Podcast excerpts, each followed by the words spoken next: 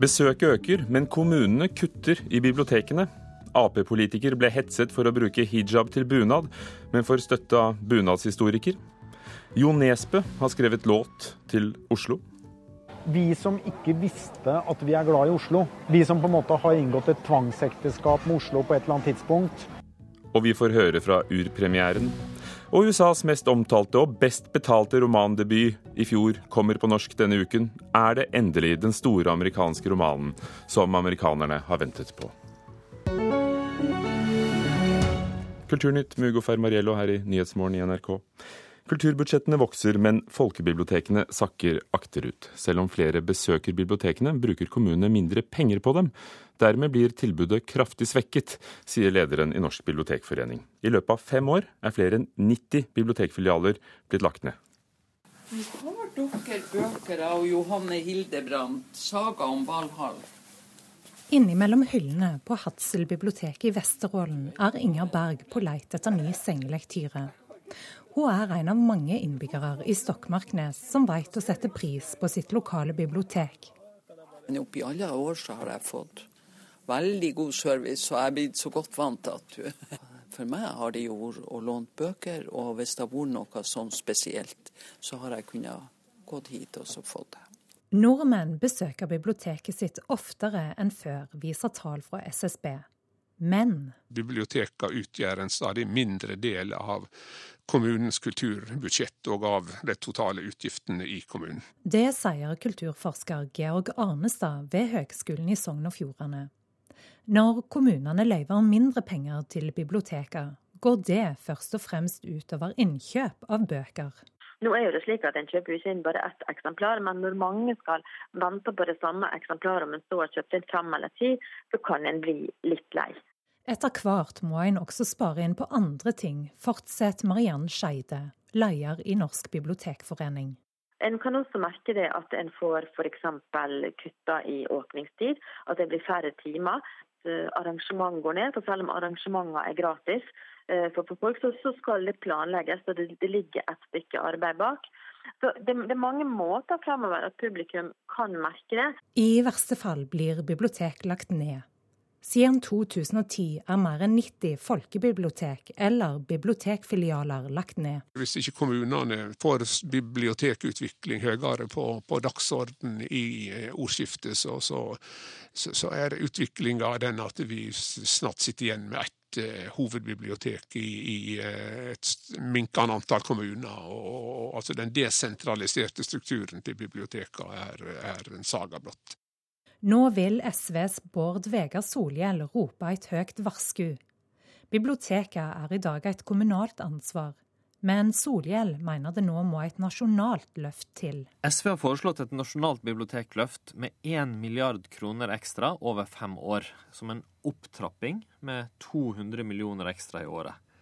Nå ser vi at biblioteket har tapt over lang tid. Da må vi ha et eget nasjonalt grep som sørger for en opptrapping som går til bibliotek over hele landet. Kulturminister fra Høyre, Linda Hofstad Helleland, mener det er opp til kommunene å prioritere folkebibliotekene. Jeg er veldig glad for at Solhjell er så engasjert i bibliotekene, og at uh, mange ser verdien av å, å, styrke bibliotekene.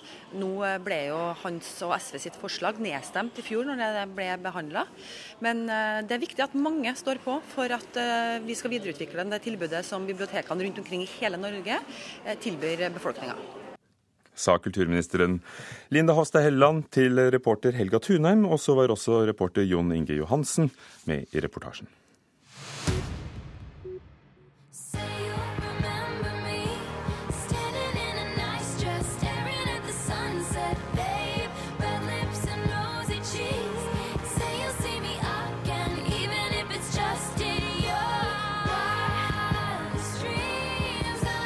Taylor Swift er blant flere popstjerner som nå tar opp kampen mot YouTube. Reporter Marit Gjelland, hvorfor? YouTube fungerer jo slik at eh, personer fritt kan legge ut eh, sanger og album som de selv vil, eh, selv om de ikke har opphavsretten til det, så lenge YouTube fjerner innholdet hvis rettighetsholderne ber om det. Taylor Swift og 180 30 andre artister som Paul McCartney, U2 og Kings of Leon har nå signert et åpent brev der de ber om at endringer i loven som heter Digital Millennium Copyright Act, som gjør denne praksisen lovlig, blir endra. De mener rett og slett at YouTube tjener for mye på det uten at de selv får noe igjen. Og YouTube på sin side hevder de ikke gjør noe galt, og hevder de bidrar nok som det. I USA pågår også en rettssak om Led Zeppelins uh, legendariske låt 'Stairway to Heaven'. Uh, om låten er kopiert uh, til Spirits Taurus, altså fra den. Nå et lite utdrag fra dem begge. There's a lady who's sure all it glitters is gold, and she's buying a stairway to heaven.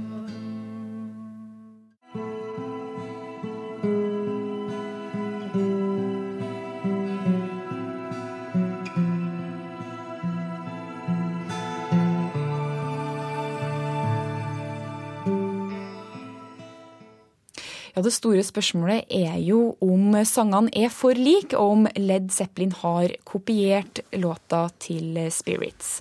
Randy eh, Wolfie i Spirits har tidligere fortalt at han og Led Zeppelin-vokalist Robert Plant møttes etter å ha spilt på samme sted i Birmingham i 1970.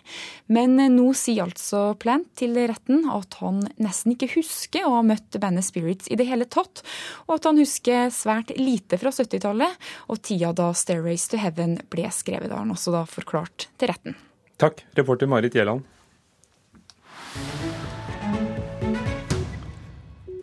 Da kommunerepresentant for Arbeiderpartiet og nestleder i Stavanger Arbeiderparti, Safana Mubarak Ali, viste frem sin nye bunad med matchende hijab på Facebook, kokte det i kommentarfeltet.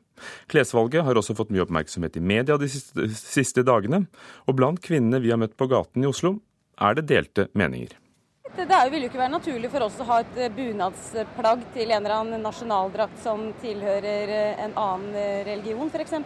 Jeg tror jeg ser på meg veldig mange fine broderier og hijab til bunad. Og det er jo veldig mange hodeplagger til folkedraktene som er nesten hijab-aktige i tillegg. Så man kan jo finkombinere både begge kulturer. Men det er ikke veldig mye Blir ikke det litt sånn miksing av uh... To kulturer, ja. Men uh, det, man må være mer åpen for dagens samfunn. Det syns jeg. rett og slett? Ja, rett og slett. Jeg syns jo uansett om du firer 17. mai eller hva det feirer, så syns jeg jo ikke at du skal ha hijab på deg. Jeg syns at man skal vise ansiktet og vise håret. Altså Eh, og for å integrere seg best mulig i Norge, så tror jeg at man har større sjanse på å lykkes med det om man ikke går rundt i en hijab eller eh, lignende. Mm, det var folk på gaten. Safana Mubarak Ali, hvordan kom du på dette med å bruke og få laget en egen hijab til bunaden? For meg eh, som bruker hijab til daglig, er det helt naturlig at jeg prøver å matche hijaben min til det klesplagget jeg har på meg. Eh, så sånn sett var det faktisk helt naturlig at jeg hadde òg en matchende hijab til bunaden min. Så det var det som var egentlig hele årsaken til det. Kan du fortelle om reaksjonene du har fått? Um, reaksjonene, altså De aller fleste reaksjonene som har kommet inn, er utrolig positive. Jeg har fått mye støtte og positive tilbakemeldinger. Uh, men jeg må jo innrømme at det er mye grums der ute. Uh, altså rasistiske og hatefulle meldinger. Og direkte trusler uh, som førte til at, at det resulterte i at jeg valgte å politianmelde det. Vi hørte nettopp noen som, som var litt skeptiske til det å, å, å, forandre bunaden, og at et hodeplagg som hijab er eh, integreringshemmende. Er det, er det noe du er enig i? Nei, tvert imot. Jeg er uenig i det. fordi at jeg tenker det er jo nettopp det som er så fint. For jeg prøver å kombinere eh, disse to plaggene, da, eh, hijab og bunad. For det viser Eh, dagens samfunn vi lever i, nettopp det mangfoldet, det som er så fint. Eh, og, og det er òg noe med å vise den personen jeg er. Eh, identiteten min. Altså, jeg er norsk og er stolt av det. Og det viser jeg med å gå i bunad, men òg ha på meg hijab, som har vært et personlig valg fra min side. Bjørn Sverre Hoel Haugen, førstekonservator ved Anno museum, draktforsker, forfatter av Norsk bunadleksikon. Og nå har du laget eh, sommerens utstilling på Kongsvinger museum som heter Solørhijab, som tar for seg likheten mellom de norske hodeplagene og hijaben. Går det an å bruke hijab til bunad? Ja, det går an. Og hvis vi bruker kulturhistoria som utgangspunkt eh, i denne diskusjonen, så, så er det jo ei rekke eksempler ifra den norske kulturhistoria på at uh, kvinnehueplagga er så lik hijaben at uh, en egentlig ikke behøver å gjøre noen justeringer i det hele tatt, men bare å ta i bruk det historiske hueplagget. Men du visste jo at du, du skapte litt oppstuss med tittelen på utstillingen 'Solør-hijab'. Hva er likheten mellom skautene konene bar i Solør, og dagens hijab? Ja, Det som var utgangspunktet vårt for å lage utstillingen, var jo at uh, at jeg gjennom ei tid har, har, sett en sånn umiddelbar likhet når jeg ser på portrettfotografier av kvinner fra Solør i andre halvdel til 1800-tallet, og en variant av eh, slik dagens hijab-brukere setter på seg hijaben. For der er det jo mange variasjoner.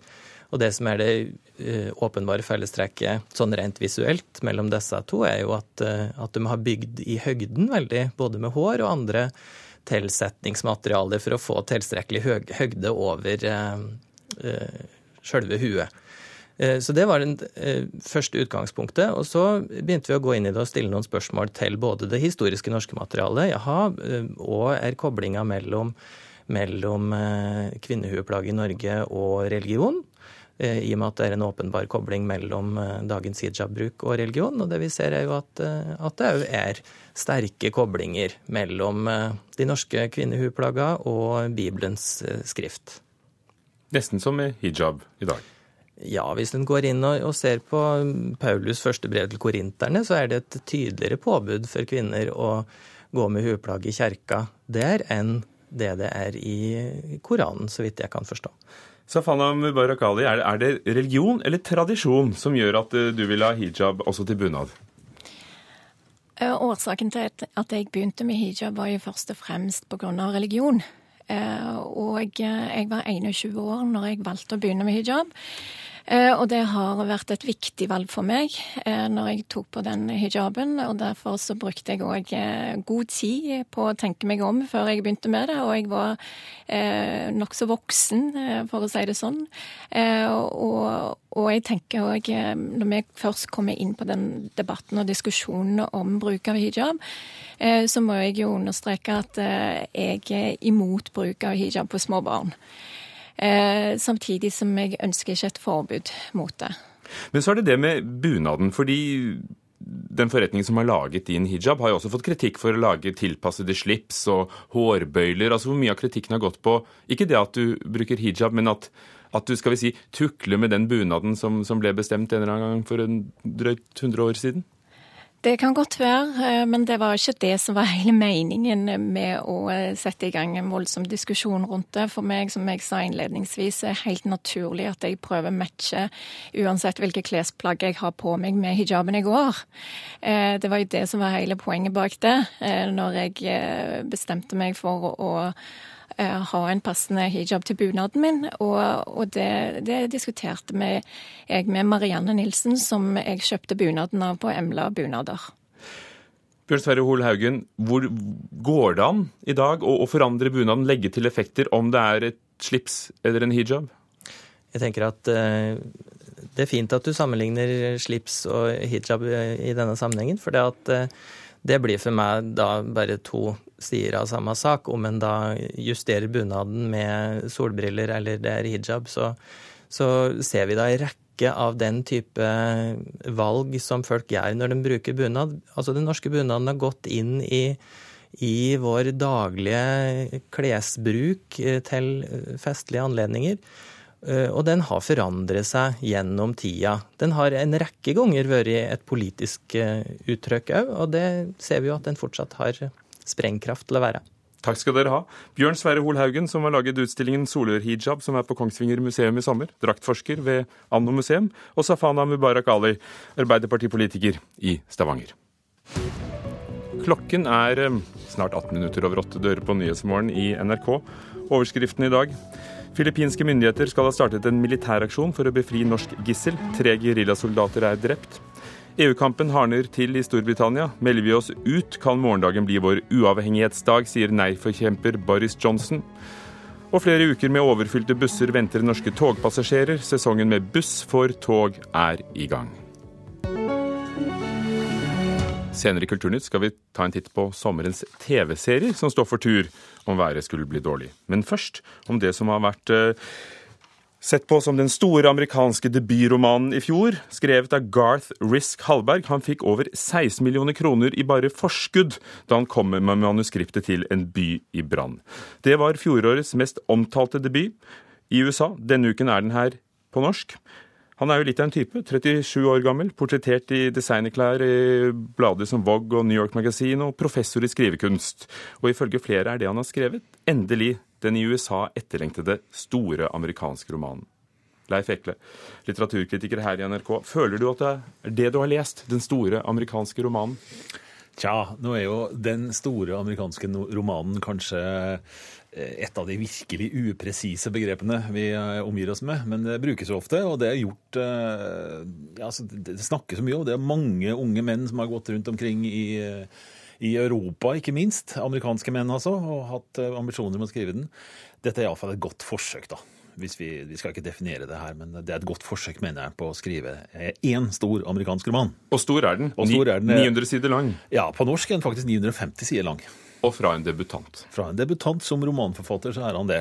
Han hadde jo vel gitt ut eh, et par bøker, en novella, altså en kortroman og noen noveller. og Eh, noe sakprosa før dette her. Eh, og han han er professor i skrivekunst.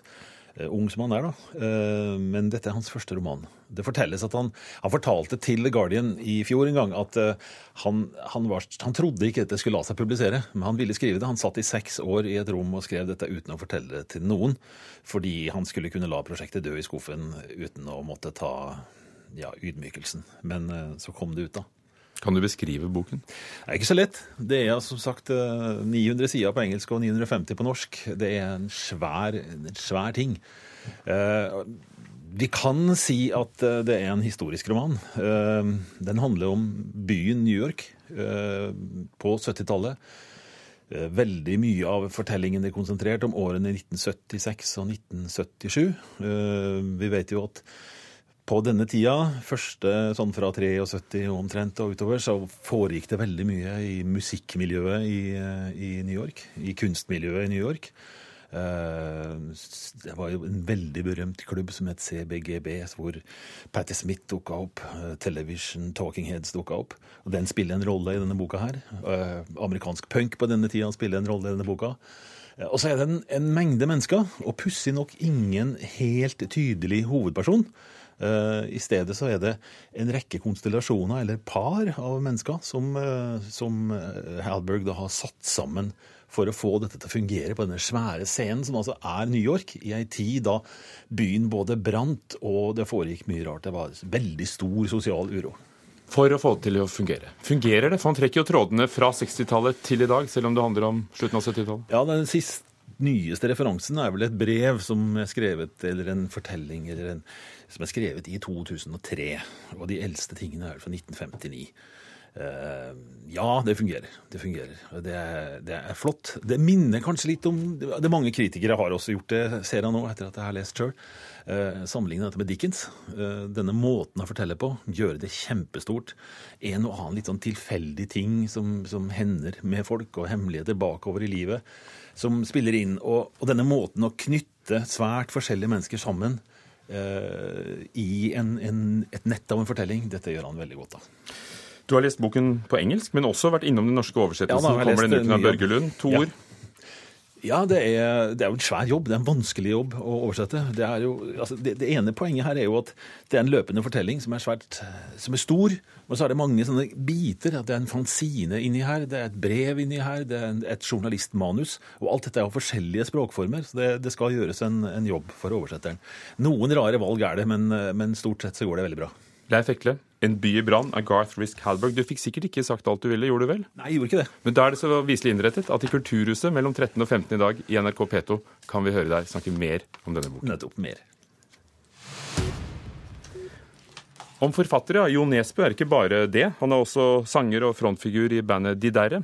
De er på vei ut på turné, og det er ikke ofte de skriver nye sanger for tiden. Men i år har de laget en hyllest til Oslo. Vi var med på urpremieren med utsikt over nettopp hovedstaden på Grefsenkollen.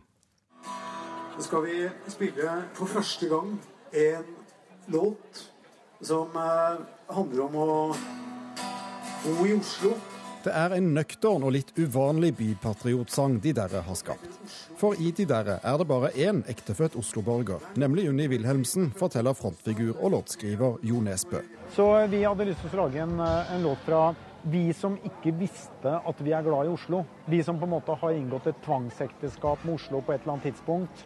Og som så plutselig, når vi sitter i en uh, turnébil på vei hjem til Oslo, oppdager at vi har bodd lenger i Oslo enn noe annet sted og at vi rett og slett er blitt litt glad i Oslo. Jeg har aldri gått i land på hodet. Jeg har aldri sett kasanjer i bygda og allé. Man trenger ikke gjøre og se alle de riktige tingene for å like byen. Gitarist Lars Jones håper de kan gjøre oslofolk litt stoltere med denne sangen nesten alle andre byer i landet så er det, da er det hyllest, og da er det lov å være kjempepatriot. Men Oslo har liksom ikke hatt det. Det er ikke lov, det. For det, det er litt for stort. Litt for... Men nå, dette er en låt som er Det er liksom et oppgjør med det der. Vi, nå, nå går det an å hylle Oslo. De der skal innom 13 festivaler i sommer. At de får tid til alt dette, skyldes kun god planlegging. For Jo Nesbø er alltid travel. Om det så er internasjonal storfilm, krimbøker eller nye juleeventyr med doktor Proktor. Jeg sitter og skriver om snø og julestemning og eh, eh, julenissesleder, eh, atomdrevne julenissesleder og sånne ting. Men akkurat nå er det musikken som teller, og i går kveld spilte de derre på festivalen Over Oslo i Grefsenkollen. Et perfekt sted for premiere på en bysang for hovedstaden, sier trommeslager Espen Stenhammer. Publikum ser ned på scenen, og de ser utover hele Oslo. Gitarist og vokalist Unni Wilhelmsen anbefaler publikum å tenke praktisk. Hvis de har kikkert, så kan de se alle destinasjonene som Jo beskriver i teksten. Kjøre hele natta. Steinkjer, Trondheim om en stund. Kaffe på Statoil Otta. Soloppgang ved Minnesund. Snart stiger det frem, det vi kaller hjem, og som andre kaller Oslo. fra de deres nye låt og urpremieren eh, på Grefsenkollen i går kveld, reporter Thomas Alvarstein Ove. Er du en av dem som gruer seg til eh, Game of Thrones skal være ferdig neste uke, så bør du følge med nå, for det er mange TV-serier på vei denne sommeren, og den første kommer allerede fredag. Explain to me what I'm not understanding. It looks like I killed her, I know that. That's how it looks. Sigurd Vik, anmelder i Filmpolitiet i NRK P3. Hva var det vi hørte fra? Det var lyd fra The Night Off, som er HBO sin kommende dramakrimserie, som skal gå i åtte episoder i, i sommer, med en tjuvstart allerede på, på fredag nå 24. Uh, eh, en, en tilba altså en tilbake til røttene for HBO. Det her er ikke fantasy som i Game of Thrones, det er ikke komedie som i Silicon Valley, som har vi sett på det siste, eller uh, Girls. Det her er tilbake til litt sånn The Wire og fengselsserien Oss, som var veldig sånn tidlige, store suksesser for, uh, for HBO.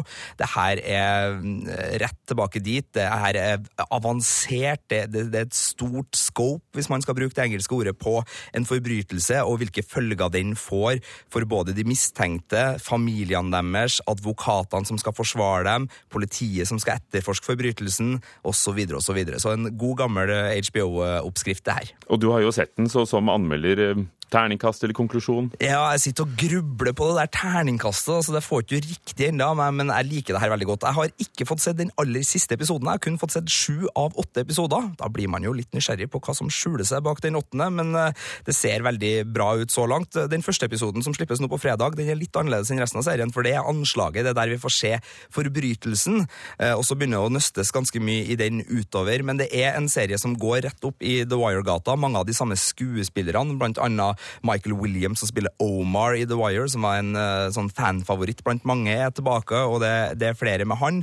Uh, men det er veldig godt. Det er seigt, det er, tar seg god tid, og det virker troverdig i det det skildrer både fengselslivet og kanskje spesielt uh, rett, det amerikanske rettssystemet, og hvor fortvilt det kan være å havne inni der hvis du ikke får den hjelpa du, du egentlig ønsker. Den har paralleller til true crime-serier som Serial og Making a Murderer i så henseende, så det her kan bli en veldig fin uh, sommerserie. Men uh, jeg har ikke fått sett den siste episoden. Men, men du, Sigurd Vik, ja. vi må videre. Ja, vi må videre. Du vil ha flere? Ja. ja. det, det fins også en, en, en TV-serie som man ikke behøver å ha strømmetjeneste for å, å se, nemlig denne. Remember the night of the hack? Remember what happened to you? Mr. Robot kommer på NRK. Hva er det? Det er en uh, serie som tok uh, litt sånn serieverden med storm i, i fjor.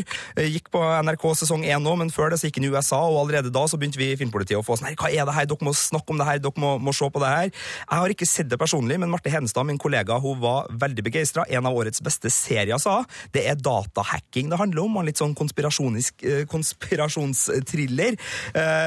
sesong to kommer da i midten av juli på NRK. Nå er vi på ballen her, nå er vi sånn cirka samtidig som USA, så dem som digga Mr. Robot, de kan glede seg til, til andre sesongen. Nevn en til du har forventninger til som vi kan følge med jeg gleder meg veldig til The Get Down, som er Bass Lurmans serie, som kommer i august. Det var han som laga Moulin Rouge, hvis jeg uttalte uttalt det riktig. Men det her er musical. Det her er også New York på 70-tallet, som ble nevnt i bokanmeldelsen tidligere. Og det ser veldig spennende og glamorøst og flott ut med en serie som tar for seg musikklivet i den store byen i det glade tiåret 70-tallet. Og er det noe Bass Lurman kan, så er det det. Takk skal du ha, Sigurd Vik i P3s Filmpolitiet. Kulturnytt her i Nyhetsmorgen eh, er over. Lisa Stokke var produsent, Ugo Fermarello programleder. Klokken er straks halv ni.